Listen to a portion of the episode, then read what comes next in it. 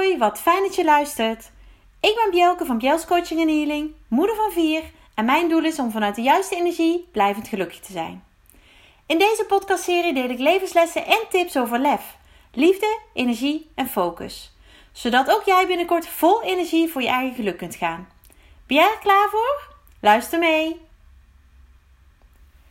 Lieve, lieve, lieve jij. Weer een week voorbij en weer een nieuwe podcastaflevering. Ja, en dit keer echt een, ehm, ja, misschien wel confronterende. Het gaat namelijk over groei. En groei kan natuurlijk op zoveel fronten. Groei kan natuurlijk letterlijk in je lijf. Maar natuurlijk ook groei als persoon, persoonlijke ontwikkeling. En als moeder van vier kinderen weet ik alles over groei. Want ik was ooit zelf een kind, een jonge vrouw. En ik werd een moeder. En moeder worden is, nou ja, een groeispurt van heb ik jou daar. Dit is echt life changing. En dan begint het eigenlijk pas. Maar ook door mijn kinderen weet ik wat groeien is, maar ook hoe pijnlijk dat kan zijn. Want ik heb nachtenlang gezeten met kinderen die huilden van de pijn in hun benen, in hun voeten, in hun armen, in hun handen.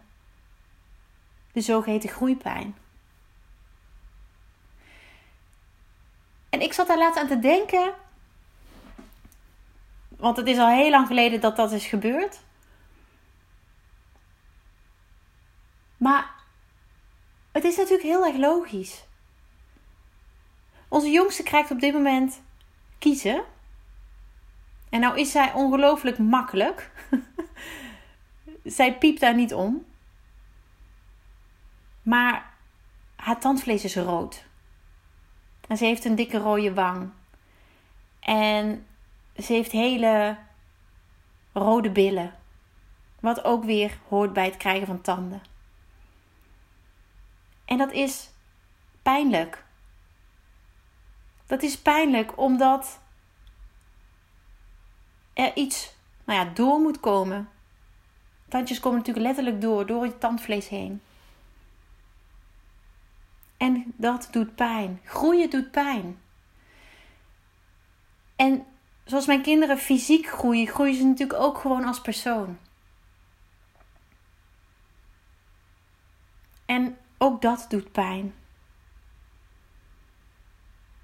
Want ook zij hebben wel eens een vriendje of een vriendinnetje dat hun de ene dag super leuk vindt. En hun de andere dag met de grond gelijk maakt in hun beleving. En leg dat maar eens uit. En dat is natuurlijk gewoon het leven. Zo werkt het. Je kunt niet met iedereen vriendjes zijn. En degene die jou vandaag het aller, allerleukste vindt, kan jou morgen het aller, allerstomste vinden. En dat hoort erbij. Maar ook die persoon in de spiegel. Die vind jij vandaag misschien fantastisch. En morgen denk je, jeetje, wie zie ik nou hier? Ik vind die persoon vreselijk in de spiegel. Een tijdje geleden hoorde ik de uitspraak, ik weet niet of het een uitspraak is. Als je focust op de pijn, blijf je lijden. Maar als je focust op de les, blijf je groeien. En dat vond ik een hele mooie, rake uitspraak. Ik zou graag degene die dat die die heeft bedacht willen uh, uh, noemen, maar ik weet het gewoon niet. Maar als je focust op de pijn, blijf je lijden. En als je focust op de les, blijf je groeien. Wauw. En eigenlijk is dat precies wat ik al die keren heb gedaan. Als mijn kinderen huilend, krijzend wakker werden van de kramp in hun benen, kramp in hun voeten van de groeipijn. We hebben niet gefocust op de pijn. We hebben gefocust op de groei. Op het feit dat ze groter worden. En dat hun lijf ook groter wordt. Om ze steeds verder klaar te maken voor de toekomst. En natuurlijk zit ik s'nachts niet van dit soort gesprekken te voeren met mijn kinderen. Maar ik probeer ze wel af te leiden van de pijn. Niet dat de pijn er niet mag zijn, maar ik probeer er met een bepaalde zachtheid naar te kijken. Want deze pijn is nodig om verder te komen. En als ik zie hoe groot ze inmiddels zijn qua lengte, dus letterlijk, maar ook figuurlijk qua persoon, wauw, dan is al die pijn ook niet voor niks geweest. En dat zie ik natuurlijk bij alle vier de kinderen. Want ieder groeit op zijn eigen manier. Ook hier weer letterlijk en figuurlijk. En jongens en meisjes zijn echt een groot verschil. Maar ook de jongens onderling. Of de meisjes onderling. En ieder heeft zijn eigen weg. Met vallen en opstaan. Maar we doen het met elkaar.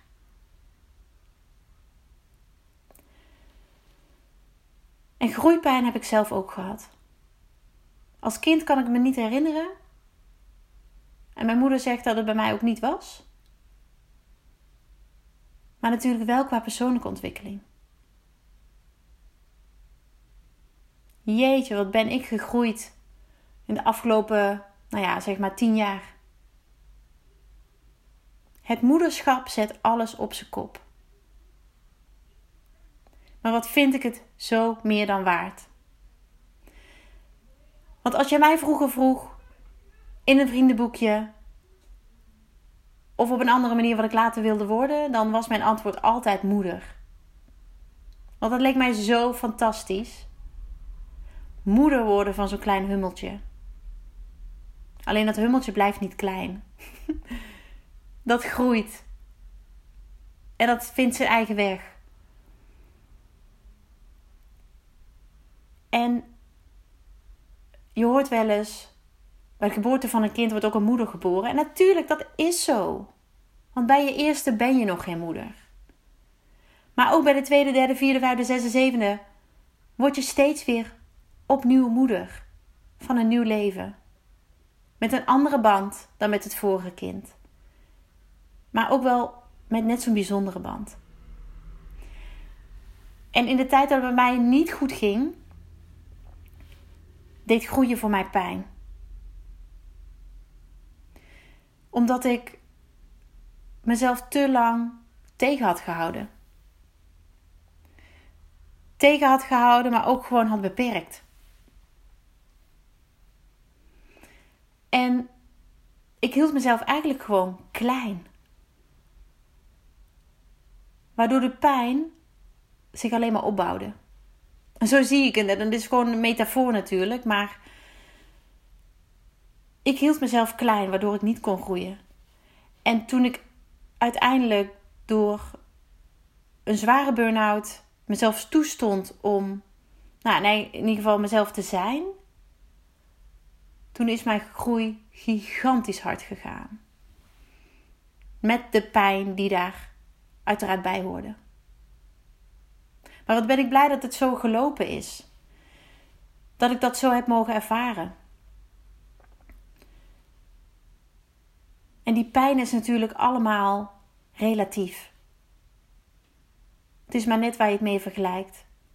Maar op dat moment was het confronterend, um, ingrijpend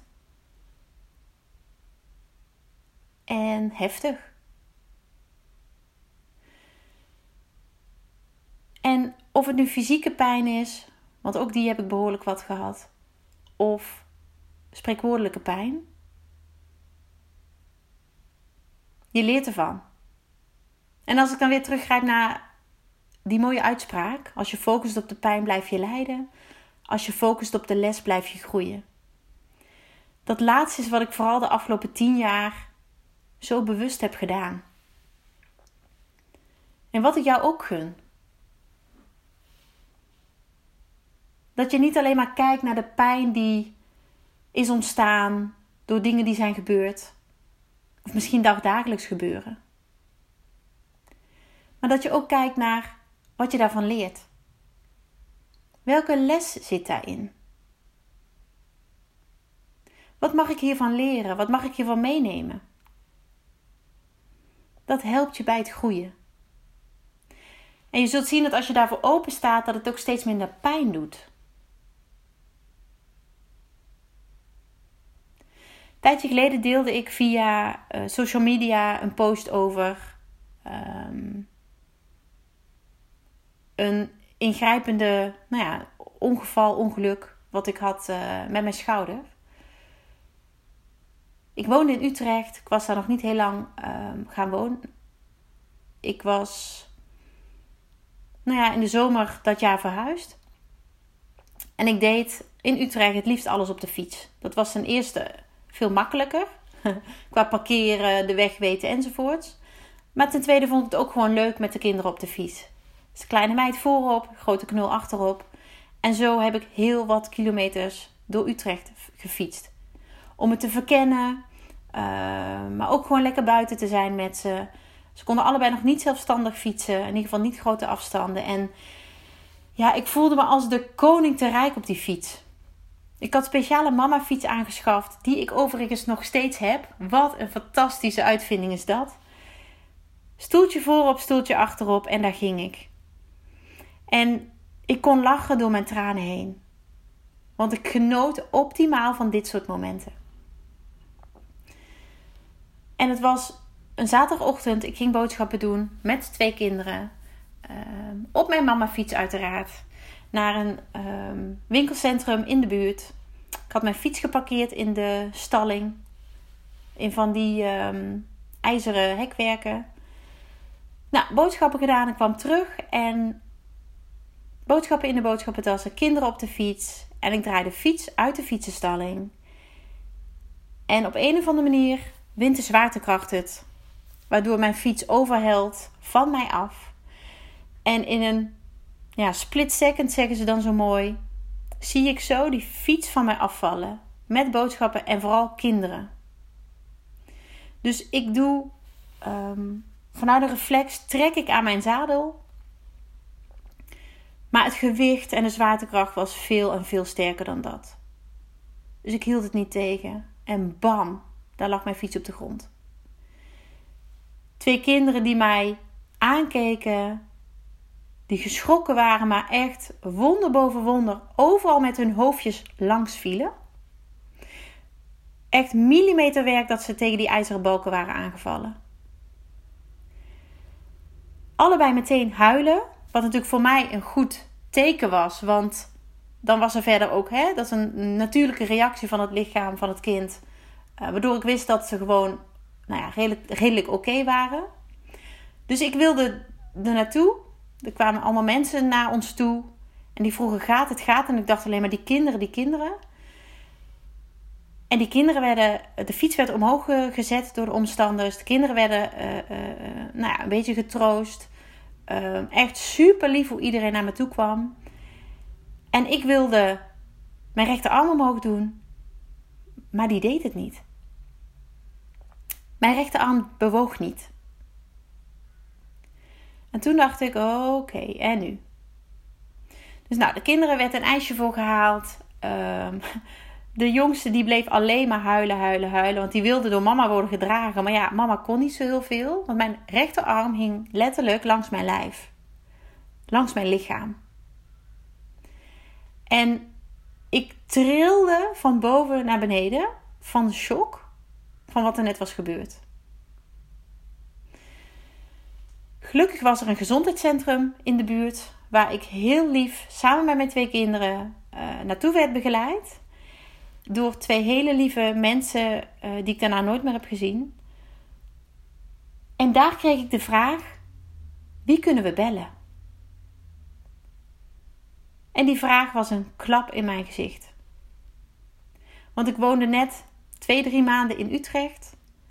Um, nou ja, was verhuisd in mijn eentje met twee kinderen. En ik had nog eigenlijk niemand leren kennen.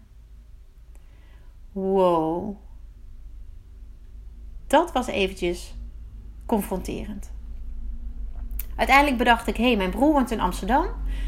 Die heeft ook kleine kinderen. Die heeft een auto met autostoeltjes. Echt, zo helder was ik op dat moment. Bel hem maar. Dus hij, hij werd gebeld.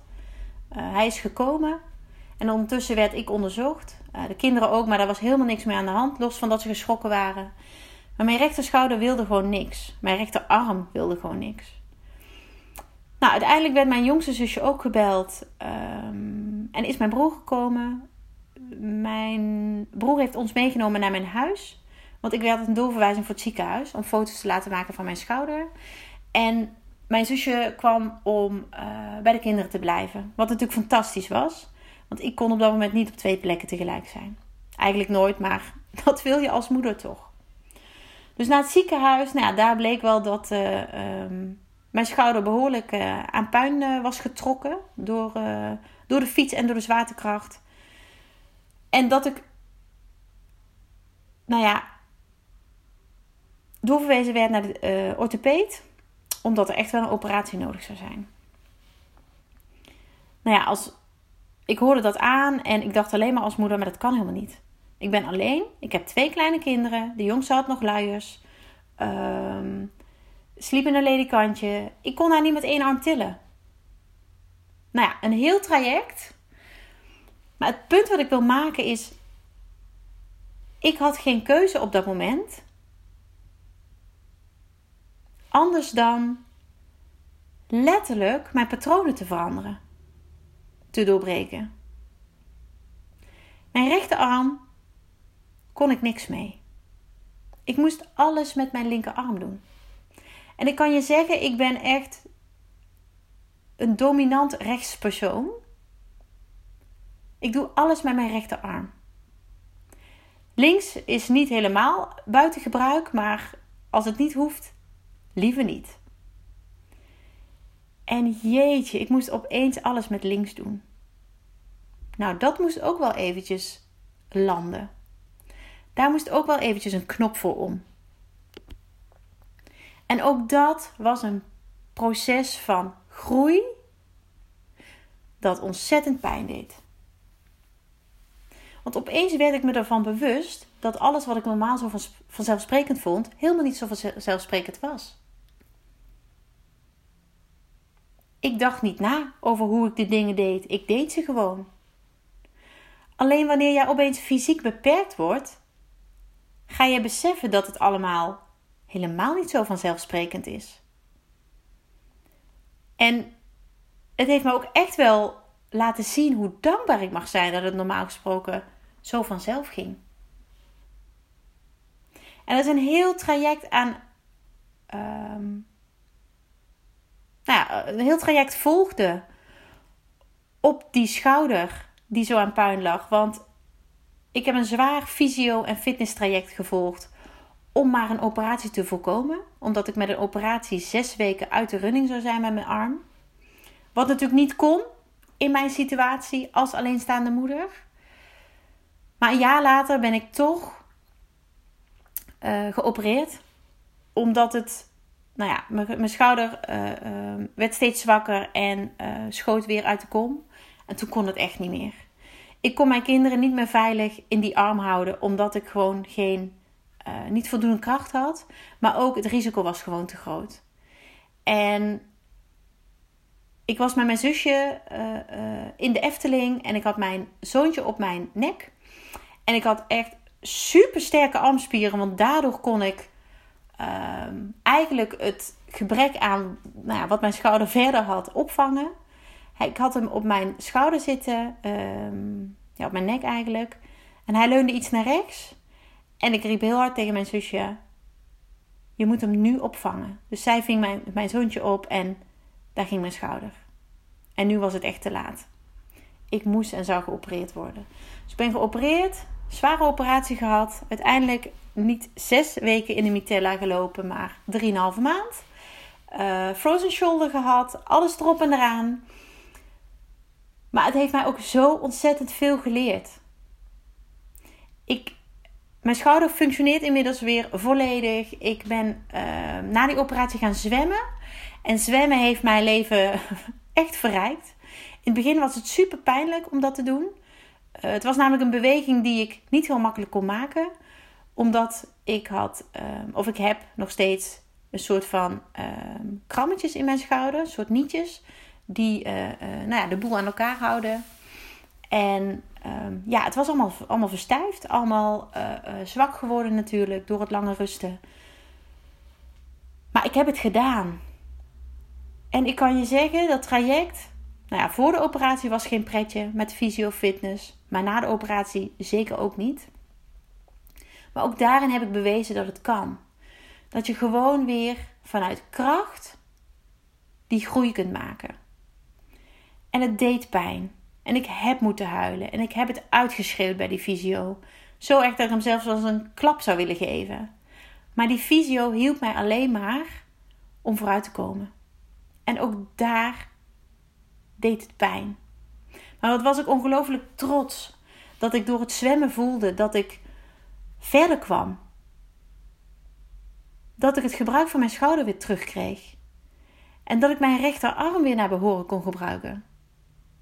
Dat was zo ongelooflijk mooi. En ik focuste niet op de pijn. Ik focuste op de groei. Ik focuste op de les. De les dat ik patronen mocht, maar ook kon veranderen. Want we maken het onszelf ongelooflijk moeilijk door hardnekkig te zijn. Door verandering als iets te zien wat we niet willen, wat we niet kunnen. Maar het kan. En dan kom je achter als, het niet, als je geen andere keuze hebt. En dat is natuurlijk ook een uitspraak. Uh, hoe gaat die ook alweer? Je komt erachter dat je sterker bent dan je denkt als je geen andere keuze hebt. Daar komt het in ieder geval op neer. En die vind ik ook zo krachtig. Zo, nou ja, raak. Zo zeggend hoe het is.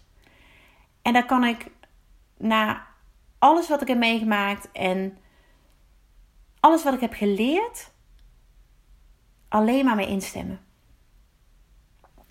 En de groeipijn van mijn kinderen zie ik nog steeds als mooi moment om met ze het gesprek aan te gaan over ontwikkeling, over um, nou ja, groeien in het algemeen. Hè, want want ja, ze worden steeds ouder en elke fase in de leeftijd heeft zijn charmes, maar heeft ook zijn mindere kanten. En ik geloof echt dat ze pijn hebben als ze groeien. Net als wij allemaal pijn hebben als we groeien. Maar het is zo mooi dat je daar iets positiefs van kunt maken. Dat je vanuit je eigen kenniservaring en misschien geïnspireerd door wat ik jou nu laat horen, het gesprek met ze over aan kan gaan. Omdat het iets moois is. Iets waardevols. Waar ze de rest van hun leven iets aan hebben. En mijn oudste twee hebben natuurlijk dat proces van mij met die schouder van dichtbij meegemaakt. En hoe klein ze ook waren, ze hebben mijn pijn gezien. Maar ze hebben ook gezien dat ik ervoor ging. Dat ik wilde groeien. En dat ik groeide. En dat ik nu uiteindelijk weer, en dat is natuurlijk al jaren geleden was dat zo, twee armen heb waarmee ik ze kan knuffelen, ze kan optillen, alles kan doen. En de orthopeed waarmee ik toen het gesprek had over mijn operatie, die vroeg: Goh, Ehm, hij zag dat ik handbalde, dat had ik natuurlijk moeten invullen. Zei hij, ja, wat is precies je plan daarmee? Ik zei, nou ja, weet je, op zich het handballen is niet een doel op zich. Want dat deed ik recreatief en nog steeds. Toen was het vooral dat ik een bal kon gooien met de kinderen. Dat was mijn doel. Dat ik ze kon optillen. Dat ik me kon zwaaien. Dat ik kon knuffelen. Dat... En dat is allemaal gelukt. Die doelen heb ik allemaal bereikt. En een leuke anekdote is nog wel dat ik. Ik mocht natuurlijk heel lang ook geen auto rijden. Ik kon heel lang niet fietsen, want mijn arm zat in de mitella. En zelfs nadat ik die strakke um, ja, mitella, waardoor mijn arm ontzettend tegen mijn lijf gedrukt was, niet meer nodig had, moest ik heel rustig opbouwen. dat. Er was een dag dat iemand aan mijn, mijn dochter vroeg. Nou, die was toen een jaar of vier, denk ik. Die vroeg aan mijn dochter: Hoe gaat het met mama? En ze gaf toen het antwoord: Heel goed. Mama kan autorijden en mama kan fietsen. Nou, dat is toch fantastisch. Dat het kind dus die blijdschap die ik had dat ik dat beide weer kon, zo heeft beleefd dat ze dat als antwoord teruggaf. Nou, echt, trotser kun je me bijna niet maken. En dat geeft ook wel aan, nou ja, hoe ik dat met ze gedeeld heb. En natuurlijk niet de zwaarte.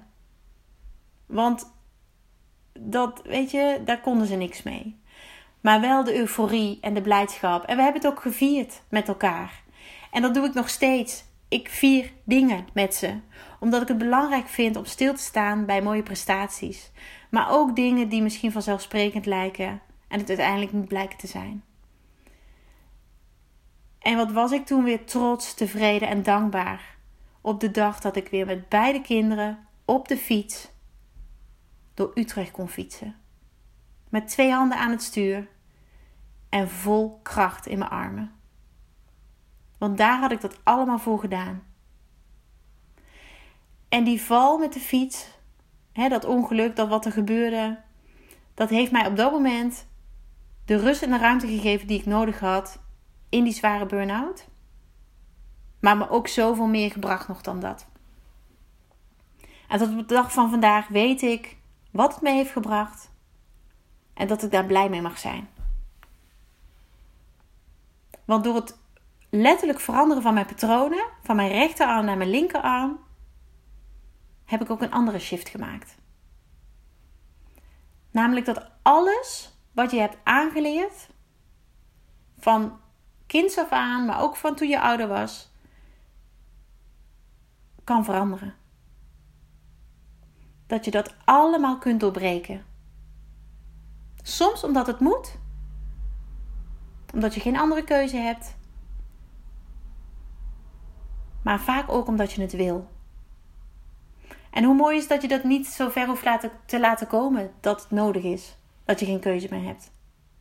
Je hebt elke dag een keuze. En gebruik die groei die je zo nodig hebt, waar je zo naar verlangt, als doel. En de pijn die daarbij hoort, is ondergeschikt. Kijk naar wat het je leert. Kijk naar de lessen die het je brengt en nou ja, de groei die het je uiteindelijk oplevert. Want dat gun ik jou. Dat je dat kan zien. Want we focussen als mensen zo ontzettend op de pijn, op het lijden. Ehm, en natuurlijk zijn er zware momenten in je leven.